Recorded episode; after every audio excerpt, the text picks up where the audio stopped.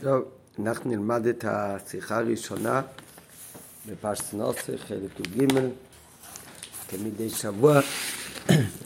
השבוע יצא לנו שיחה, שיחה קצרה יותר,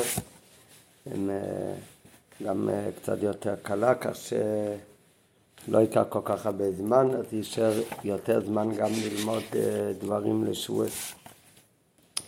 טוב, נתחיל את השיחה, זה שיחה שמסביר את העניין של אה, בני כהוס ובני גרשם בפנים עניונים, אני אראה מבפנים. כי מדובר כמה פעמים, הכלל שהתורה היא נצחית בתוקפו הוא בנוגע לכל התורה כולה. מה זאת אומרת שזה בתוקפו בכל התורה כולה? הרי יש מצוות שהתורה היא נצחית, כי החיוב של המצווה הזאת היא באמת נצחית, כמו נוחס תפילין, שמירי שבס.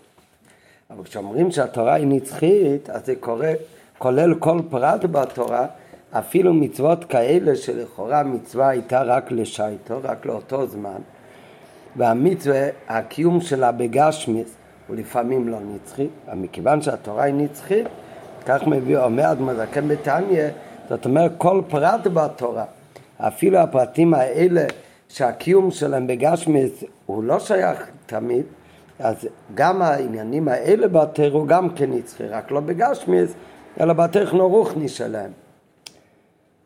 גם העניינים שבתר, שבגשמיות אינם בזמננו, נמצאים, נמצאים הם גם עכשיו ברוכניס.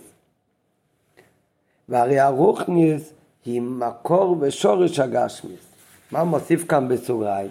לכאורה אז באשקוף הראשון זה נראה, טוב, המצווה בגשמיס, הקיום שלה הוא לא קיים עכשיו, אז לכאורה זה שאלה, אז הפרט הזה בתר, אז הוא על פניו לא נצחי ממש, אז על זה אומרים לא.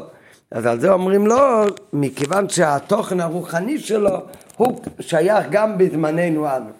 ולכן זה כן נצחי. ואז מישהו יגיד, לא, זה רק התוכן רוחני של המצווה, אבל המצווה ממש זה הרי אה, לא נצחי. אז יוצא שהאיכא בתרא, שהוא הקיום מצווה כפשוט, אה, אז הוא בכלל לא נצחי. ומה שאלתרבה אומר בתניא שהתרא היא נצחי, זה כולל כל התרא, אבל זה כאילו רק בטכן רוחני שלו. אז על זה הרב בפשטות מוסיף בסוגריים שזה לא ככה, כי בכל מצווה הרוחניס, הטכן רוחני של המצווה זה השרש ומוקר. ומזה משלשל אחר כך קיום המצווה גם בגשמיס. זאת אומרת שבאותם מצווה שהקיום בזמן הזה הוא לא שייך בגשמיס, אז נכון, הקיום מצווה בגשמיס הוא לא נצחי, אבל אין כאן חיסרון בעיקר העניין.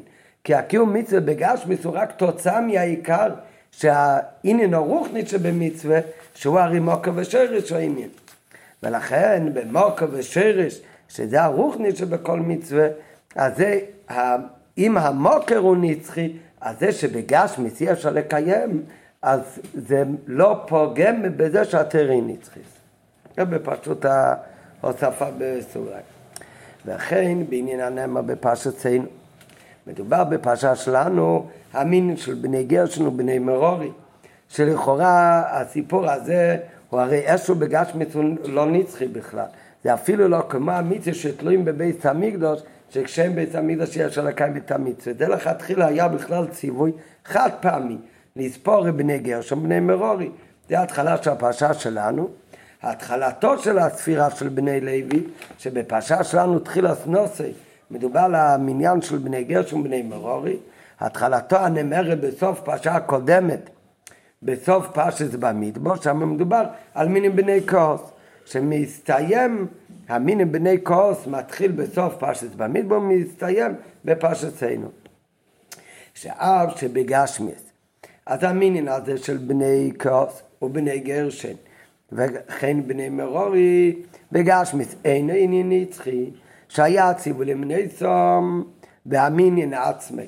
רק פעם אחת בשנה השניס לצייסו מארץ מצרים, זה היה חד פעמי בשנה השניס, אז העניין ברוחניות הוא נצחי בכל דר ודר. מה באמת העניין של בני כעוס, בני מרורי, המינין של בני כעוס, בני גרש ובני מרורי שהוא נצחי? אז כדי להבין הנצחי שבסיפור הזה, צריך להבין קודם מה היה התפקיד של בני כוס ובני מרורי ובני, גר, ובני ובני ובני מרורי, זה היה שהם נעשו את המשכון ממוקם למוקם במדבר. הרי העבודה הזאת המיוחדת שמסופר המיני בפרשה שלנו, שהיו מונים אותם ונתנו להם את התפקיד לשאת את המשכון, לבני כוס את כלי המשכון, לבני מרורי, בני גרשון ובני מרורי, הקרשים והמכסה של המשכון. הרי זה שהם סחבו את המשכון ממקום למקום, זה לא היה אחרי כניסה לארץ, זה היה רק ב-40 שנה שהם היו במדבר. אז כדי להבין את התוכן של בני כעוס ובני גרשן, בטכנה רוחני של המצוות למנות אותם, צריך להבין קודם מה זה בכלל כל העניין שהלכו 40 שנה במדבור עם המשכון. שעל פניו בפשוט של מיקרו, אז זה היה עניין של עונש, מכיוון שהיה חטא המרגלים, אז לא יכלו להיכנס ישר לארץ ישראל, אלא היו צריכים להיות 40 שנה במדבר. אבל מוסבר הרבה פעמים בחסידס, שהעניין הזה שבני ישראל עשו תמם בייס מסויס 40 שנה במדבר, זה לא היה רק עניין של עניש כמו שנראה בהמשך, אלא היה בזה גם כן תוכן חיובי כדי לברר ולהמשיך אלוקות אפילו במקום של המדבר. ויובן זה בהקדים. לא מהות צריכו ישראל להישאר במדבר 40 שנה, הן אמת שעל ידי חטא המרגלים. נגזר עליהם שלא ייכנסו לארץ 40 שנה. שזה היה יום לשנה, יום לשנה, הם הרי ריגלו את הארץ 40 יום, וכשהם אמרו אחר כך לא להיכנס לארץ, אז כעונש, מידו כנגד מידו, אז זה היה על כל יום שהם ריגלו ואמרו לא להיכנס לארץ, התעכבו עוד שנה במדבר. אבל הרי הגזירה הייתה רק בנוגע לכניסתם לארץ ישראל. הם אמרו לא נוכל להיכנס לארץ ישראל. אז העונש היה שלא ייכנסו באמת לארץ ישראל 40 שנה. על זה עוד לא הסבר למה היו צריכים להיות נודדים במדבר דווקא 40 שנה, יכולים להיות במקום אחד, אפילו במדבר, שהיו אפילו יכולים להיכנס לאיזשהו מקום שהוא ארץ נשבת, ושם להתעכב 40 שנה שיוכלו להיכנס לארץ ישראל. הרי הגזירה הייתה רק בנוגע לכניסתם לארץ ישראל. הם חטאו בזה שלא רצו לעלות לארץ ישראל, ולכן אין שום שלא ייכנסו אליה, מידה כנגד מידה. אבל הרי היו יכולים להיות 40 שנה אלו במקום יישוב שלא יהיה בארץ ישראל. ולא במדבר, ובפרט לא צריכים להיות במדבר, ובטח לא במדבר, זה שהיה מדבר גדול והנורא, נחש שרה והקרב וצימן נשי מים. והעניין הוא, כמבוא בלקוטי תורה ריש פרשתנו, שטעם נסיעתם במדבר. עם המשכון וכליו, זה לא היה רק עניין של עונש, אלא זה היה כדי להכניע את כוח יניקת החיצונים ששורש יניקתם הוא במדבר דווקא. מה זאת אומרת? כמו בגשמיאס, המדבר זה מקום שלא גודל שם דברים משובחים, וזה מקום שלא נמצאים שם בני אדם. וכתוצאה מזה המדבר הוא מקום שיש שם את כל המזיקים, נוחוש, צורו ועקרו.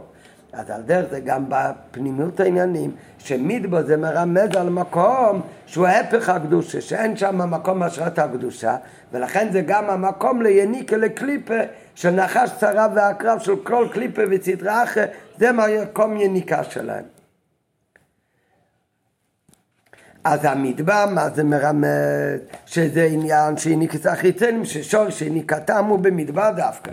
ויתרה מזו, על ידי שהכניעו, וזה שבני ישראל הלכו עם המשכון במדבר ארבעים שונה, אז בזה שהם הלכו שם עם המשכון, עם שורש הקדושה, אבל בזה הכניעו את החיציינים ואת החושך המסתיר, ולא רק שהכניעו את החיציינים ואת החושך, אלא היו ממשיכים גיל אלוקות, אלא הפוך, עוד הפכו את המקום הזה למקום ששם יהיה גיל אלוקות. ובכדי לפעול זה, הוצרכו להיות במדבר ארבעים שנה, וזה היה כל העניין שארבעים שנה הסתובבו עם המשכון במדבר. אז אם ככה, כל הניסי של עם ישראל במדבר ארבעים שנה, זה היה עניין נעלה מאוד, לקחת את המקום שהוא השרש של קליפה וסטרי אחר, משם זה היניקה, ולהפוך את זה להכניע את הקליפה וגם להפוך את זה אפילו למקום ששם יש משכון אשר אצל אלוקות. אז נשאלת השאלה, אז אם ככה, אז מה היה קורה אם לא היו חוטאים בחטא המרגלים? אז אם לא היו חוטאים בחטא המרגלים, לא היו 40 שנה במדבר, אז לא היה נפעל העניין הנעלה הזה. אז על זה הוא אומר בהערה שמונה, שאם לא היה חטא המרגלים, אז הבירו היה נעשה באופן אחר. אבל אחרי שהיה חטא המרגלים, אז הבירו נעשה דווקא באופן כזה, שהולכים 40 שנה עם המשכון במדבר. אבל בכל אופן, עצם העניין שהתעכבו 40 שנה במדבר ושם הלכו עם המשכון, אז היה בזה גם עניין למעליות שאת המקום של המדבר הפכו אותו למוקם את השכינה. בפשטות, בפנים, בפשטות, על ידי מסעות בני ישראל במדבר, אז כמו בגשמיות, היה ענן הורג את הנחשים ואת הקרבים. זה היה פרט אחד. וגם הפכו את המדבר למקום יישוב. כשהרי במדבר היה בזה, כמו שהביא מקודם מהפסוק, המדבר הגדול נחש שרה והקרב, ומדבר בכלל זה עניין שלא ישב אדם שם. בזה שהלכו במדבר, ומי הלך לפני בני ישראל, זה הרי היה ענני הכבוד. אז כתוב שענן הכבוד, אז הוא היה הורג את הנחשים והקרבים. ואחר כך יכלו לבוא שם כל בני ישראל. אז לא רק שכבר לא היו שם נחשים ועקרבים, אלא זה הפך גם למקום יישוב לבני ישראל. זאת אומרת, המדבור נבדל ממקום יישוב בעיקר בשתי עניינים. פרט אחד א', שלא ישב אדם שם. וכשהיו בו שישים ריבו בני ישראל, אז זה הפך להיות מקום שישב אדם שם. וכמו הגמרא אומר במסכת שבת, שכשבני ישראל היו במדבר, אז המדבר היה לו דין של רשות הרבים. ככה לא דין רשות הרבים, זה לא מקום שאנשים אמורים לבוא שם, בטח לא רבים. כשבני ישראל היו במדבר, הרי מהם לומדים כל דינים של רשות הרבים. שהיה מחנה ישראל שישים ריבו. זאת אומרת, מקום שהוא מצד עצמי לא ישב אדם שם. אז על ידי ששישים ריבו בני ישראל היו במדבר, אז הפכו את המקום ליושב אדם שם. הפרט השני שמדבר זה מקום שארץ לא זרועה, שזה מקום שלא גודל שם דברים חיובים. הביו בני ישראל במדבר, כתוב במדרש, המים מבירה של מרים היו מגדלים מיני דשאים ואילנות לאין סוף. אז זה שתי פרטים שהוא מביא שהמדבר מצד עצמו הוא לא ראוי לכך, ועל ידי שבני ישראל היו במדבר, הם הפכו את זה לחיוב, לחיובי. גם חיובי בפרט שלא ישב אדם שם. זה הפך למקום יישוב של כל בני ישראל. הוא מביא בהערה 11, שבזמן שישראל שורים במדבר, היה נחשב במדבר לרשות הרבים. והדבר השני, שמקום שהוא לא זרוע, שארץ לא יזרוע, הפך להיות ארץ זרוע לדשוים עד אינסוף. וזה גם הטעם בפנימות העניינים, שנמנו הלווים במיוחד מבין שלושים שנה לעבודתם דנסיעת המשכון וכליו שעל ידם הפכו את המדבר לארץ נושבת כנ"ל בלקוטי תורה. כי על ידי המניין המיוחד בעניין זה נעשו במיוחד בזה דבר חשוב. מה גם נעשו במיוחד בזה דבר חשוב? עצם המניין גם שמענו את כל בני ישראל, זה כבר הופך אותם לדבר חשוב. אבל הלווים בגלל שהתפקיד שלהם היה לשאת את המשכון בתוך המדבר, אז להם היה מיניון מיוחד, מיוחד נפרד מכל עם ישראל. והמיניון הזה זה היה מניין מיוחד שמנעו אותם, דווקא מבין שלושים שנה. אתה יודע, כל שבט לוי הרי מנעו אותם מבין חודש ומעלה. אבל היה עוד מניין מיוחד, מבין שלושים שנה ומעלה, שאז הם היו רואים לעבודה של לשאת את המשכון וכלוב, כי לזה הם היו צריכים מניין מיוחד. למה באמת היו צריכים לזה מניין מיוחד? כי המניין מיוחד הופך אותם לחשובים, כי על ידי מניין עשו במיוחד בזה לדבר חשוב, ולכן המדבר לא יפול עליהם, כי דבר שבמניין לא בטל, ואדרבה, הם יהפכו את המדבר, הם יהפכו אותו לארץ נושבת. מה זאת אומרת? זה עניין שהרבא מביא כאן מהשלו בהרבה מקומות, הרבה שיחות, שהרבא מביא מה זה כל העניין שהתורה אומרת לספור את עם ישראל, ורש"י בפרשה הקודמת אומר, מתוך חביבותם הוא מונה אותם כל שעה, אז מביא שיש, הגמרא אומר בתחילה ביצה, שיש, כולנו יודעים בהלכות איסור והיתר, שאם יש משהו לא קשה, יתערבב בכשר, אז הדין הוא שהוא יכול להתבטל. כמה הוא מתבטל? יש בזה הרבה פרטי דינים. יש דברים שמתבטלים אחד ושתיים, יש דברים שמתבשלים ביחד ונותנים טעם, אז הוא מתבטל באחד, רוב הדברים מתבטלים אחד בשישים. יש דברים בתרומו, יש דברים שמתבטלים באחד, במאתיים. ככה יש, כל איסו מתבטל בהתר בביטול מסוים, שהוא יתערבב ברוב מסוים. לעומת זאת, יש דברים שכתוב שהם לא יכולים להתבטל גם לא באלף. לדוגמה, במסכת ביצה שם מדובר על ביצה, הביצה היא לא בטלה אפילו באלף ביצים. למה היא לא בטלה?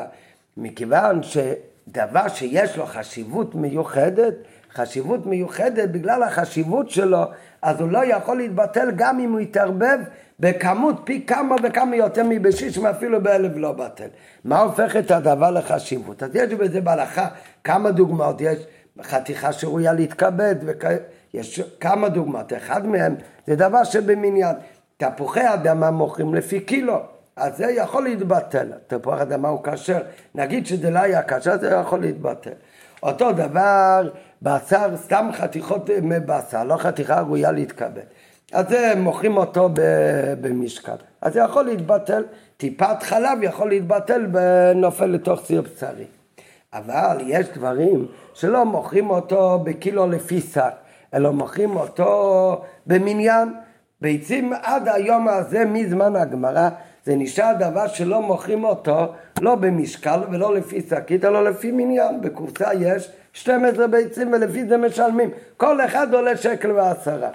אז זאת אומרת, זה דבר שבמיניאן מוכרים אותו תמיד לפי מניין אחד, עוד אחד, עוד אחד, אז זה מראה את החשיבות שלהם, או שזה מראה את החשיבות שלהם, או שהמניין עצמו הופך, עושה אותו לחשוב, איך שלא יהיה, זה מדובר בשיחות אחרות.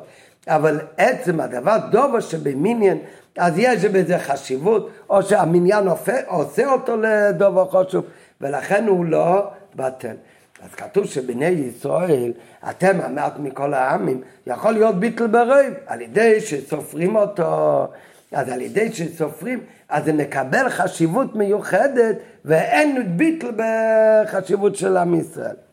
אז על דרך זה מביא כאן עכשיו הרבי, שספרו את כל בני ישראל, אחר כך את שבט לוי, אחר כך היה מניין מיוחד, שעל זה מדובר הרי. בסוף פרשת במדבר, בתחילת פרשתנו המניין של בני קהות, בני גרשון ובני מרורי, מי, לא מבין חודש, אלא מבין שלושים ומעלה, שאז הם נשאו את המשכון, מכיוון שהווידה לקחת את המשכון, זה להכניע את המדבור, שבמדבר זה המקום של נוחוש, צור ועקרוב, ויהודי הוא צריך עכשיו להיכנס למקום המאוים הזה, ולא להיות מושפע ממנו, אלא אדרבה להפוך אותו למקום את השכינו.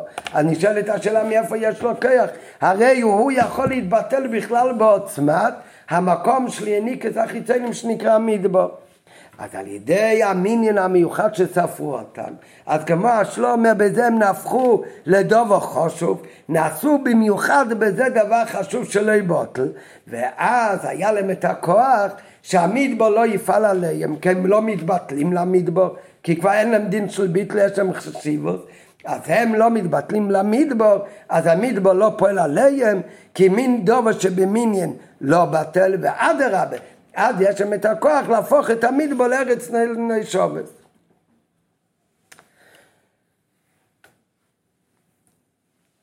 לא, זה התוכן הפנימי. עכשיו, מה, איפה כאן הנצחיות שבעניין הזה?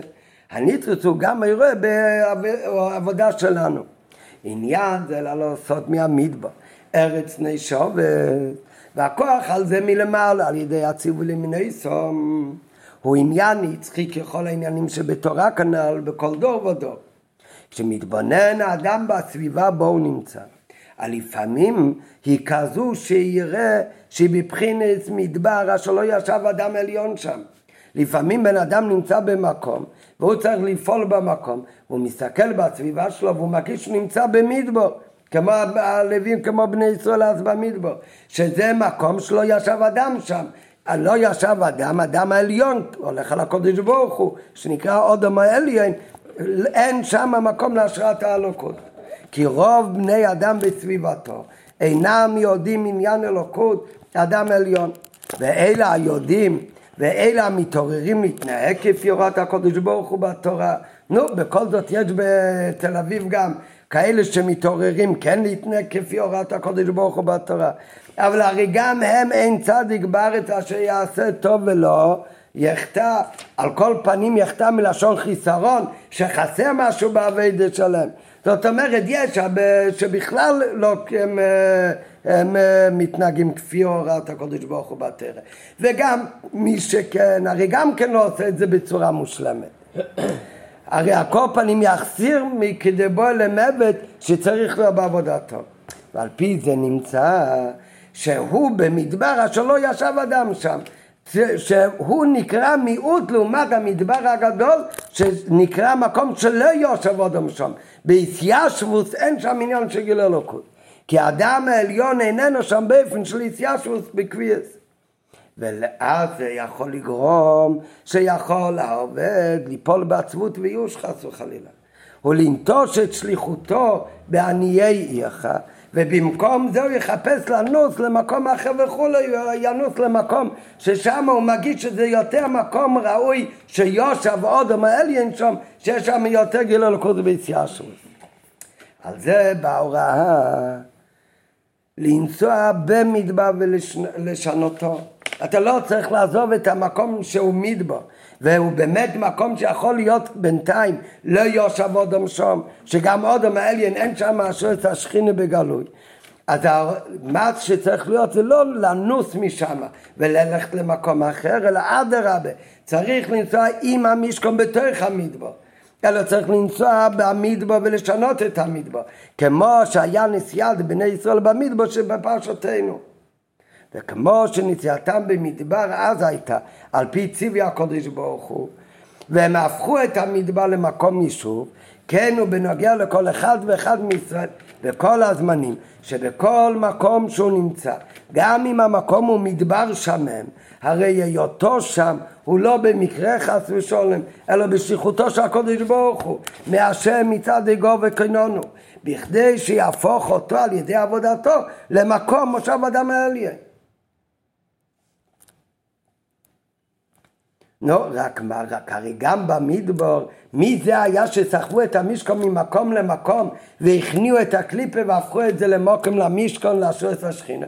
זה היה רק שבט לוי בלבד. אז על זה מיד מוסיף הרבה שהרמב"ם הרי מביא.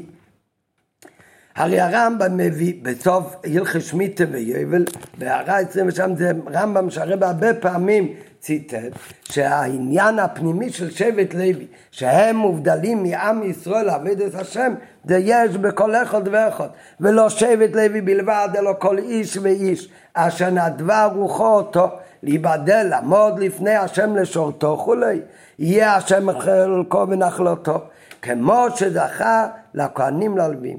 אז יוצא שהרי כל אחד ואחד באם רק ינדב רוחו אותו שגם הוא רוצה להיות מאלה להורות דרכיו הישרים ומשפטיו הצדיקים לרבים. אז יותן לו מלמעלה, הוא לא צריך לברוח מהמדבר אלא אדרבה, יותן לו מלמעלה הכוח והחשיבות עד שאינו בטל, וזה המניין, שימנו אותו מלמעלה, ייתנו לו את הכוח והחשיבות עד שאינו בטל, ומדרגה לדרגה, הוא יעלה מדרגה של בני גרשן, שבני גרשן זה פרשה שלנו, כתוב נשא גם בני גרשן, גם זה מלשון טפל, למי הם היו טפלים? לבני כעוס, בני כעוס סוף פרשת במדבר, הם נעשו את אורן עצמם בדרגה יותר גבוהה.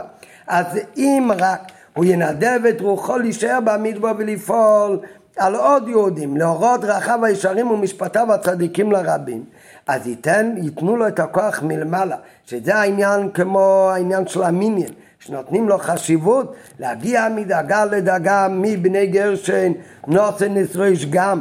נשיאות ראש בצירוף לגדול ממנו, מיד הגדול ממנו כהוס ועד לדאגה לבני כהוס שנשוא את ראש בפני עצמי שבדאגה הכי נלית ועל ידי זה ביכולתו לעשות מקום הימצאו גם אם בתחילה היה מדבר דירו לא יסבורך עכשיו הנקודה הזאת כל מי שלומד קצת בתורה של הרבי, קצת בלוקותי סיכס, זה הרי מופיע אין ספור פעמים שיהודי נמצא בעולם ויכול להיכנס ליוש, שהוא נמצא במקום כזה נחות, אז הוא רוצה לברוח למקום שיש יותר גיל אלוקות. אומרים לו שאדרבה, אתה צריך להפוך את המקום הזה שהוא מוקם מדבור, וגם את זה להכניע כאן את ה...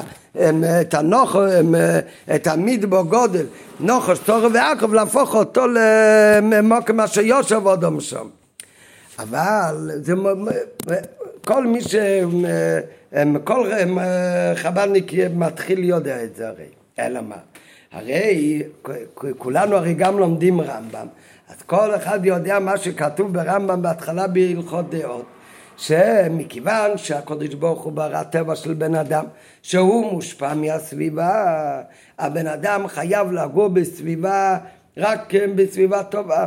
ואם הוא נמצא בין אנשים רשעים, הוא צריך לעזוב את המקום, ללכת לגור רק בין צדיקים. ואם אין לו איפה ללכת, אומר הרמב"ם, הוא צריך ללכת לגור במערות, כי אסור לו להסתובב בין אנשים רעים. אז על זה מביא הרבה כאן בהערה 19, שכל העניין הזה שמוזכר אין ספור פעמים, זה לא סותר למה שכתוב ברמב"ם, שאם בן אדם היה במדינה שמנהגי הרעים, אז ילך וכולי צריך ללכת למקום אחר. כי הטעם לדין זה הוא כמו שכתב הרמב"ם שם לפני זה כי דרך בריאתו של אדם להיות נמשך ונוהג כמנהג אנשי מדינתו והרמב"ם מדגיש לפיכך אם היה במדינה שכולם רשעים הוא צריך ללכת משם אז זה הכל בהמשך למה?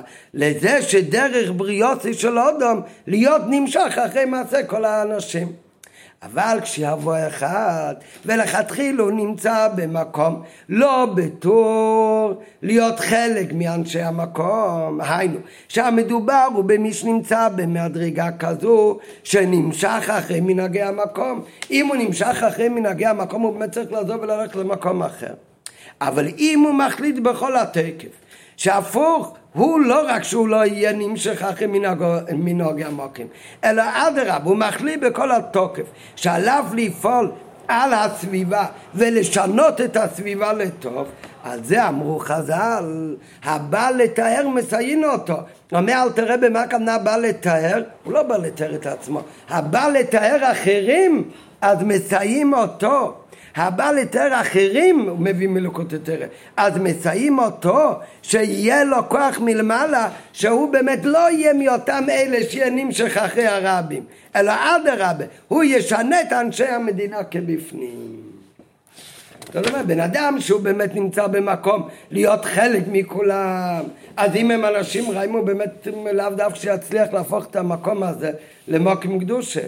אבל אם הוא מגיע מלכתחילה באופן כזה שהוא מחליט בתקף, שהוא יפעל על הסביבה לטובה, וכל הסיבה שהוא נמצא כאן זה לא להיות עם כולם, אלא הבוא לתאר, הוא בא בשביל לתאר את האחרים. באופן כזה הוא הרי הופך את כל המוקים שלו למוקים של אנשים טובים. אם הוא הופך את המקום למוקים קדוש, זה כל המטרה שלו, אז אדרבה יכול להישאר במקום, כי הבעל לתאר אחר, הם מציינים אותו מלמעלה, שלא רק שהמקום לא ישפיע עליו, אלא הוא לא יהיה נמשך אחריהם, אלא אדרבה, הוא ישנה את אנשי המוקים כבפנים. טוב, אז זה ההוראה הנצחית למדנו בעוד ג' בנוגע ל... למקום של הבן אדם. כן, הרי באות א' למדנו שכל דבר בתר יש את התוכן הוא נצחי, אז גם בדברים שבגשמית הוא לא נצחי, אבל התוכן הוא רוחני, שזה הרי השרש של כל העניין, אז הוא תמיד נצחי. אחר בעוד ב' הוא אומר, מה היה העניין של המסעות במדבר בכלל? להפוך את המדבר שזה מקום של יניקס החיציינים למקום של קדושה, שיושב אדם שם. אחר כך הוא אומר מה זה אוירו מזה נצחית, שכל בן אדם הוא נמצא במקום שהמקום הזה נראה לו למדבו גודל, אז הוא רוצה לעזוב את המקום. אומרים לו אדרבה צריך להיות מנסי המשכון, ואז הוא מקבל חשיבות שזה עניין של המיניאן, והחשיבות הזאת נותן לו את הכוח לא רק שלא יתבטל מהמדבור, הוא לא צריך ליפול ביוש, אלא אדרבה, הוא יהפוך את המדבור. ולמדנו גם בהערה שברגע שהוא באמת הופך את המקום, אז הוא גם לא יהיה נמשך אחרי אנשי המקום. אז זה הכל הוראה נצחית. איך בן אדם אמור להסתכל על המקום שהוא נמצא בו, המקום נראה לו מדבר, אז הוא מתייאש בגלל המוקם, אומרים לו אדרבה צריך להפוך את המוקם. אומר הרב מוסיף בעוד ד' שאת ההוראה הזאת להפוך את המדבר למוקים, לאשרס השכינה, הוא לא רק בנוגע לעיר ולמקום שאתה נמצא בו, אלא הוא קיים גם בנוגע לבן אדם עצמו. ההוראה האמורה שייכת גם לעבד סעודו ממעצמי, לא רק עם הזולת ועם המקום שלו. כשאדם עושה חשבון צדק ממה שעבר אליו, לפעמים הסך הכל הוא שהנהגתו הייתה בבחינס מדבר. בן אדם עושה חשבון נפש, אם הוא עושה כמובן חשבון נפש אמיתי, אז לפעמים מגיע למסקנה שאיפה שהוא היה מונח עד היום הנהגה שלו, אז הוא בעצמו נמצא במדבר. הנהגה שלו הוא מדבר, לא המקום שלו, לא הרחוב הוא מדבר, הוא בתוך עצמו יש מדבר. ועל ידי זה הוא יכול לבוא לידי איוש חס ושולם ושהוא חושב איך אוכל לשנות הנהגתי ובפרט אם עבר ושנה בה. ונעשה לו כהתר יש דברים שהוא כבר עשה כמה פעמים עד שזה כבר כהתר נחשב לו. ובפרט אם היה רגיל בזה יותר משתי פעמים והרגל נעשה טבע. אז הוא אומר איך אני אשנה עכשיו את כל המצב שלי שאני בעצמי כמו מתברך הגדול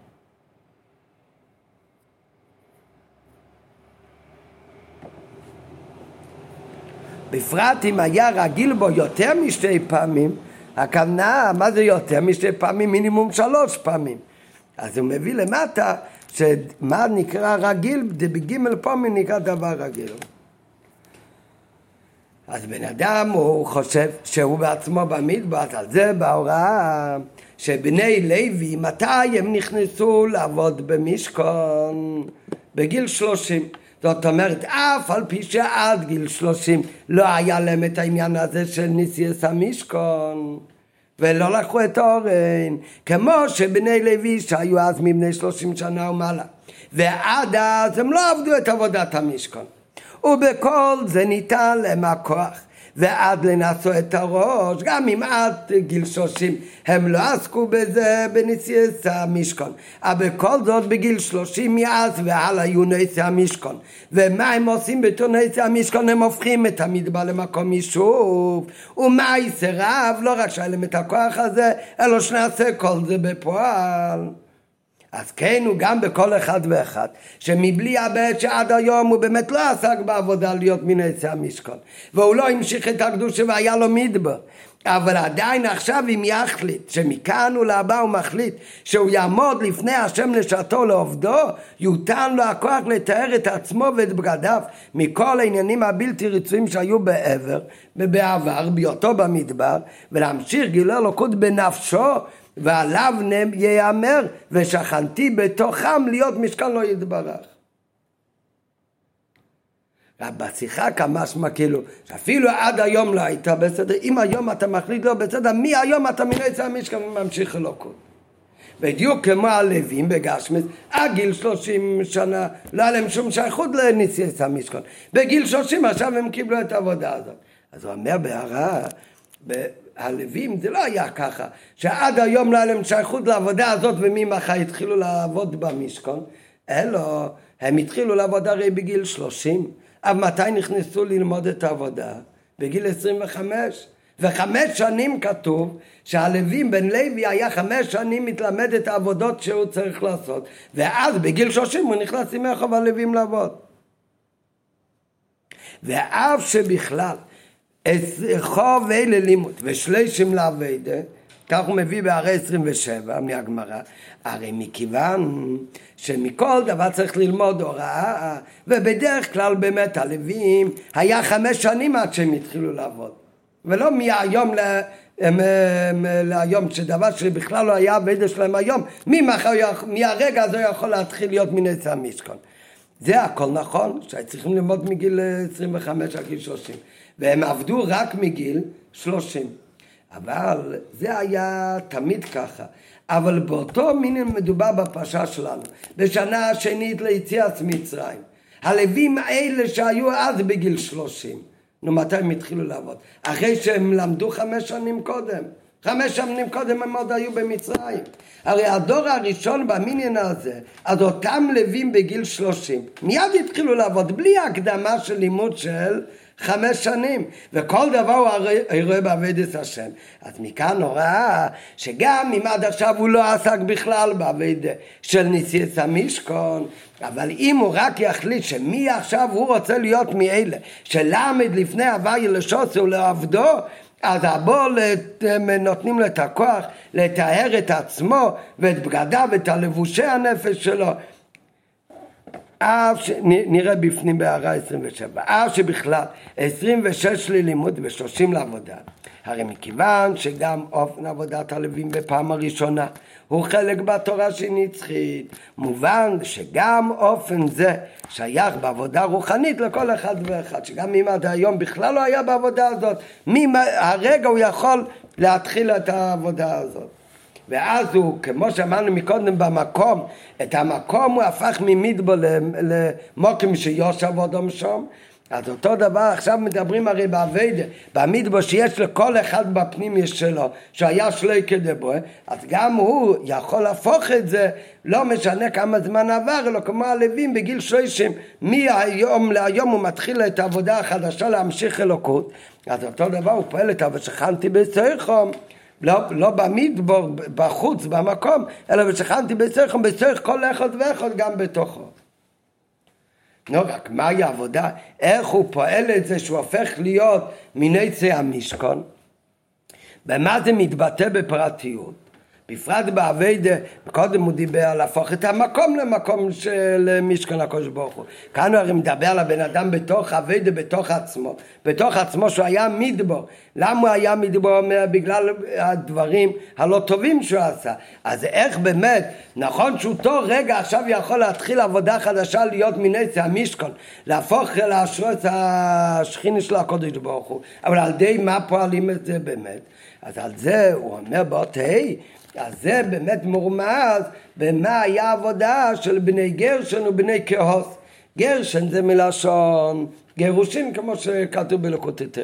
ממה צריך להתגרש? מהרע. וקהת הוא מלשון אסיפה. וכמו שכתוב תמיד ולא יקסמים, מתאספים.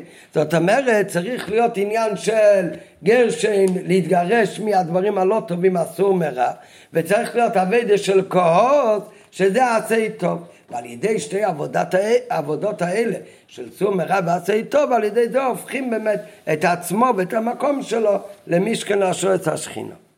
נראה בפנים באותי, בכדי שהאדם והסביבה שלו יעשו דירה לא יתברך, צריכה להיות העבודה בשני קווים, סור מרע ודעשה טוב.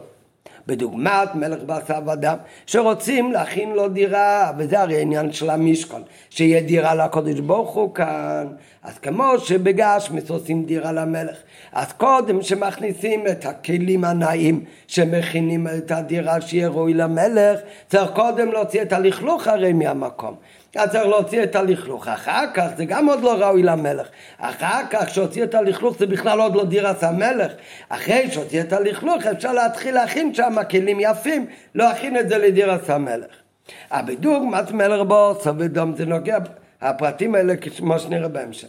ובדוגמת מלך בעשיו, אדם כשרוצים לתקן לו דירה, צריך לפנות ההיכל מכל לכלוך וטינוף וכולי. ואחר כך, אבל זה לא הופך את זה למקום למלך, אלא אחר כך לסדר שם כלים נעים, וכל זמן שלא הוציאו את הלכלוך יהיה אפשר הרי להכניס כלים נעים. זה לא יהיה ראוי למלך. כן, הוא גם בעשיית הדירה לא יתברך, שצריך לזה שתי עניינים. גם סור מרע זה להוציא את הלכלוך, ועשה טוב, זה המצים טובים. וגם עניין זה נרמס בבני גרשן ובני כעוס, בני כעוס שהתחלנו בסוף שבוע שעבר, נצי המשכון, שגרשן. ובני גרשן שמתחיל בתחילה פרשתנו. גרשן זה מלשון גירושין, זה סור מרע, לגרש מהדברים הלא טובים. קהת הוא מלשון ולו יקהת עמים, אסיפת וקיבוץ עניינים הטובים, זה העבודה של ועשה טוב. כמו שגרשן נולד לפני קהת, הבכור היה גרשן, אמרנו מקודם כתוב גם, גם גרשן שהם היו טפלים כי קהת לקחו את הכלים וגרשן אה, פחות בחשיבות אבל בגיל נולד קודם גרשן, הסדר היה גרשן קהת ומררי גרשן נולד קודם ואחר כך קהת. למה? כי צריך להיות בעבודה, צריך להיות קודם סור מרע ואחר כך ועשה טוב, זה הסדר הרגיל. בדיוק כמו במשל מקודם, שקודם צריך להוציא את הלכלוך מההיכל ואחר כך אפשר להכניס כלים נעים. בדוגמא סידו כלים נועים שבא לאחרי ניקוי ההיכל מכל לכלוך.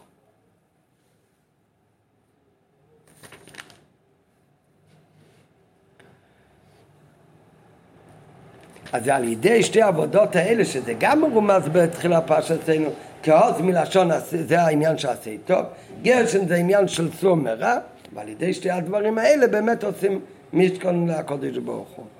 הוא גם מוסיף על זה, זה גם הסיבה שגרשן בחר נולד לפני כעוז, כי צריך להיות קודם צור מרע ואחר כך עשה טוב.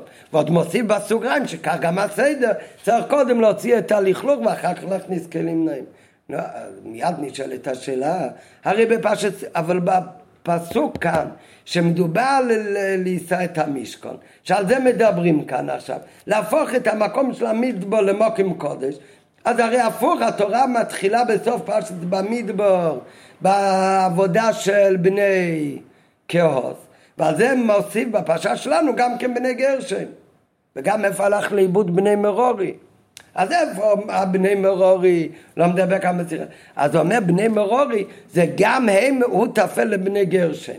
זה גם כן חלק מעבודה של סור מרע, כמו שכתוב שבני מררי, אז מררי זה מעניין של מרירות על, ה, על הרע. אז מררי וגרשן הולכים ביחד. וכך זה גם היה בעבודה שלהם לקחת את הדברים. שבני קהת הם לקחו את הכלים, זה היה בדברים הנ"לים. בני גרשן ומררי הם לקחו שתיהם על העגלות, הם לקחו את הקרשים ואת המכסת שזה הכל היה משכון, בבחינת מה קיבלו את הכלים עצמם. זה אומר באורן.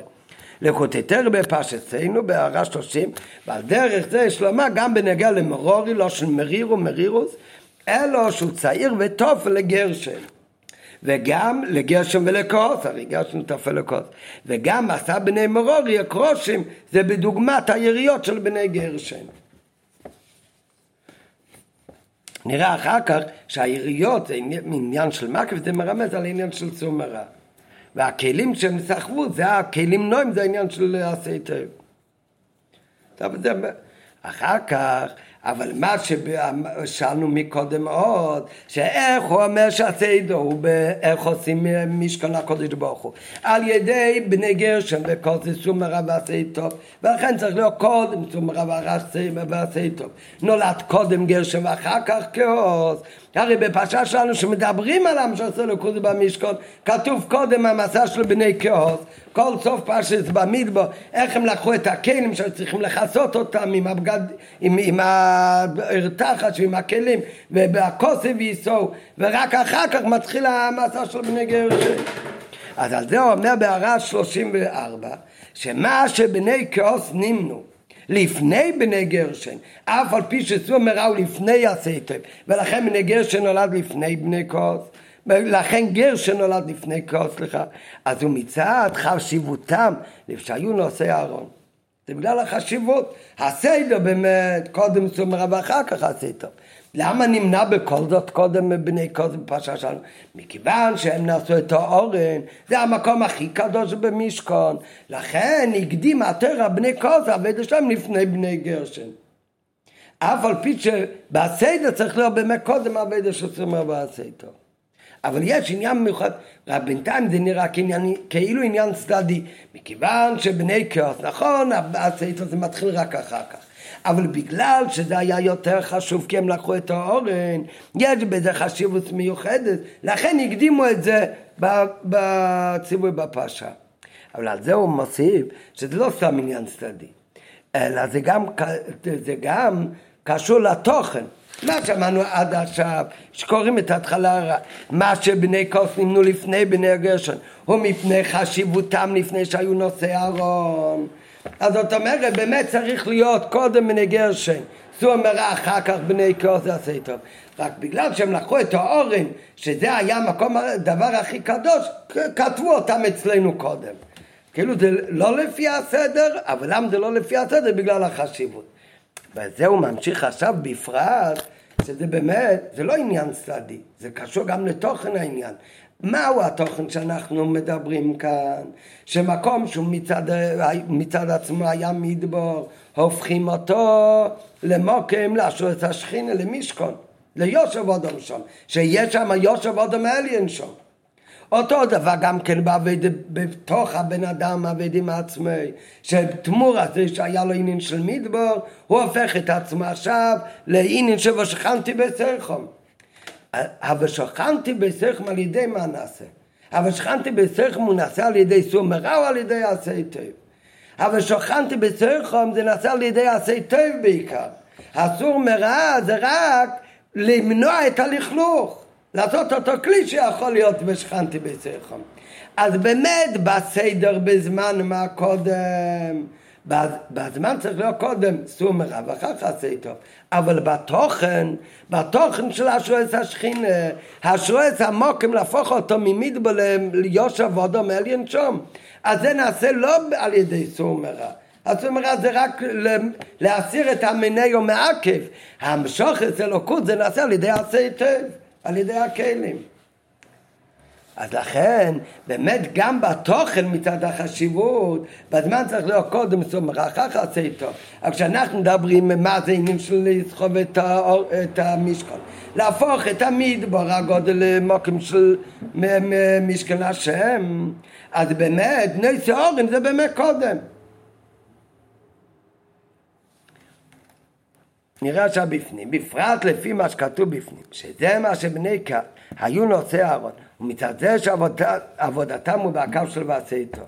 הרי נוסף לזה שעבודת ועשי טוב היא נעלית יותר מעבודת סומרה.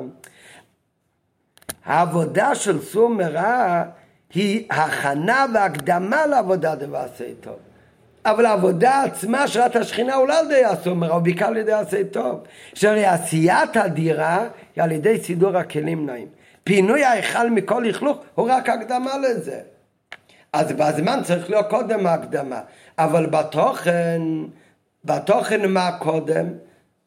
בתוכן קודם הוא באמת עשה טוב. כשבן אדם הוא חושב, הוא צריך להכין את הדירה למלך. נו, אז מה הוא חושב? הוא מיד חושב איך אמור לראות הבית עם כלים נעים. אחר כך הוא חושב איך אני אכניס כלים נעים? טוב, אני צריך להוציא קודם את הלכלוך. כמו שכתוב תמיד, סביב מעשה במחשבו, תחילו. בן אדם הוא מתחיל לבנות בית, מה הוא מתחיל לבנות בית? איך הוא מתחיל לבנות בית? הוא עושה חור, כך הוא עושה, הוא מביא לבנים וכך הלאה. מה הדבר האחרון שהוא יעשה? הוא מכניס שם את הכלים. והדבר עוד יותר האחרון, הוא נכנס בפנים וגר שם. זה הכל במעשה. אבל בתוכן, מה התוכן? הלבנים או שבן אדם יכול לגור שם? שבן אדם יכול לגור שם. כתוב במחשבה באמת, איך זה עובד? זה עובד בדיוק הפוך. מחשבה בן אדם חושב דבר ראשון, אני צריך לגור בבית, מה הצרכים שלי? אחר כך בשביל זה הוא צריך שיהיה לו בית עם לבינים כאלה. כדי שזה יכול לעמוד צריך לעשות יסודות. כדי לעשות יסודות אז אני צריך גם לעשות בור. זאת אומרת, הדבר האחרון שהוא חשב זה הדבר הראשון שהוא עושה. הדבר הראשון שהוא חשב זה הדבר האחרון שהוא עושה. אז אותו דבר כאן. הרי עשיית הדירה הוא על ידי הצידו כלים נועים. פינוי ההיכול מכל לכלוך הוא רק ההקדמה לזה. ואם כן, הקו של עשי טוב הוא קודם בכוונה, בכוונה כאן זה לא הכוונה רק במחשבה, במחשבה, אני אמרתי גם במחשבה, כמו שכתוב זה מעשה משוב התחילה. אבל זה לא רק במחשבה, אלא הוא קודם בכוונה, בתוכן הוא באמת קודם. בחשיבות הוא קודם, לא עניין צדדי שזה... פעולת העבודה נראה עכשיו נסיים באות ו', פעולת העבודה של סור מרע ועשה טוב. מובנים הם מהחילוק שבין מסע בני גרשון למסע בני קרוס. זה לא רק מרומז בשם שלהם, גרשון מלושן גירושין זה סור מרע. וכעוזם מלשון ולא יכעס העם אם זה עשה טוב. אלא עכשיו הוא מוסיף שזה מורמז גם במה, במה שהם נעשו. בני גשם הם נעשו את יריות המשכן. מה שאין כן בני קהת נעשו את כלי המשכן, את הארון והשולחון וכולי. כמובן מנורה, מזבח. והחילוק בין היריות וכולי. והכלים הוא שהיריות מקיפים ומגינים. מה זה היריות? זה מקיף את המשכון וזה מגן שלא ייכנס גשם, שלא ייכנס השמש. מה שאין כן הכלים זה רק הגנה מדברים אחרים. מה שאין כן הכלים, הרי יש לכל כלי עבודה פעולה מיוחדת לו. ארון זה היה העדוס, המשך זה מלכות השכינה. שולחון זה היה ללחם הפונים, המנרות זה להדליק עליה את הנרות. את המזבח הפנימי לקטרת. זאת אומרת, היריות לא היה בהם תוכן חיובי, מה הוא צריך לעשות? זה רק למנוע את הגשם מלהיכנס למשכון, זה הגנה. לעומת זאת, הכלים של המשכון, להם זה לא היה עניין להגן ממשהו, היה להם תוכן חיובי, ולכל כלי היה תוכן מיוחד שלו, מנר להדליק עליו את הנר, והאורן היה אורן העדוס, והמזבח הפנימי היה מזבח הקטרת. וזה ההבדל גם כן בין סור מרע ועשה טוב. סור מרע זה להגנה, שלא יחטא כדי שלא יבוא אליו הקליפה וסטרי אחר. לעומת זאת על ידי מה הוא ממשיך אלוקות, מה זה עניין החיובי, זה על ידי עשה טוב, זה על ידי קיום המצווה. עניינם בעבודה, סור מרע זה עניין של שלילו, זה מגין על האדם מהאסור עליו ומזיקו, ממה שאסור עליו יכול להזיק לו. עשה טוב עשיית מצוות שהן מעדות, יד המחלקת צדקה, היא נעשית מקום וממש ללוקות, כמו הכלים של המשכון, שהיה להם תכן חיובי, איך הם ממשיכים אלוקות. לעומת זאת יריות, אז זה היה בעיקר עניין של הגנה, זה כמו העניין של צור מרע, שהוא להגן מעלותו. ועל ידי שתי עבודות, נעשה המשכון ודירו לא יסבורך, בשלמותו. ועל ידי שתי העבודות האלה דווקא, של בני קהת ובני גרשן, בסדר בני גרשן ובני קהת, סור מרע ועשה טוב. בתוכן אבל הנעלה יותר וה, והפנימי יותר להמשיך אלוקות זה עשה טוב וגם סור מרע כדי שבאמת לא יהיה יניקה לחיצונים על ידי שתי הקווים האלה אז על ידי זה הבן אדם לא רק שהוא לא מתבטל ברע, אלא הוא מקבל חשיבות שהוא גם כן יהפוך את המדבור שלו, והוא הופך גם את המוקים שהוא נמצא בו לפעמים שנראה כמדבור שלא יושב עוד שם. לא רק שלא מתבטל, אלא על ידי עבודו של הקדוש ברוך הוא, בשתי קווים של סום הרע ועשה טוב, אז הוא הופך את זה ממוקים שלא יושב עוד שם, למקום ששם נעשה השועץ השכינו, ישב שם אדם העליון.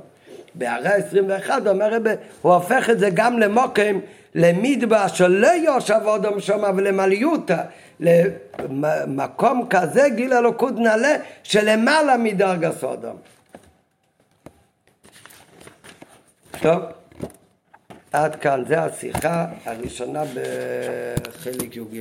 טוב, נאחל גם לכולם שישמעו את זה עוד לפני שבוע, שיהיה לכולנו קבולת התרא בשמחו ובפנימס. הגות ניונטה.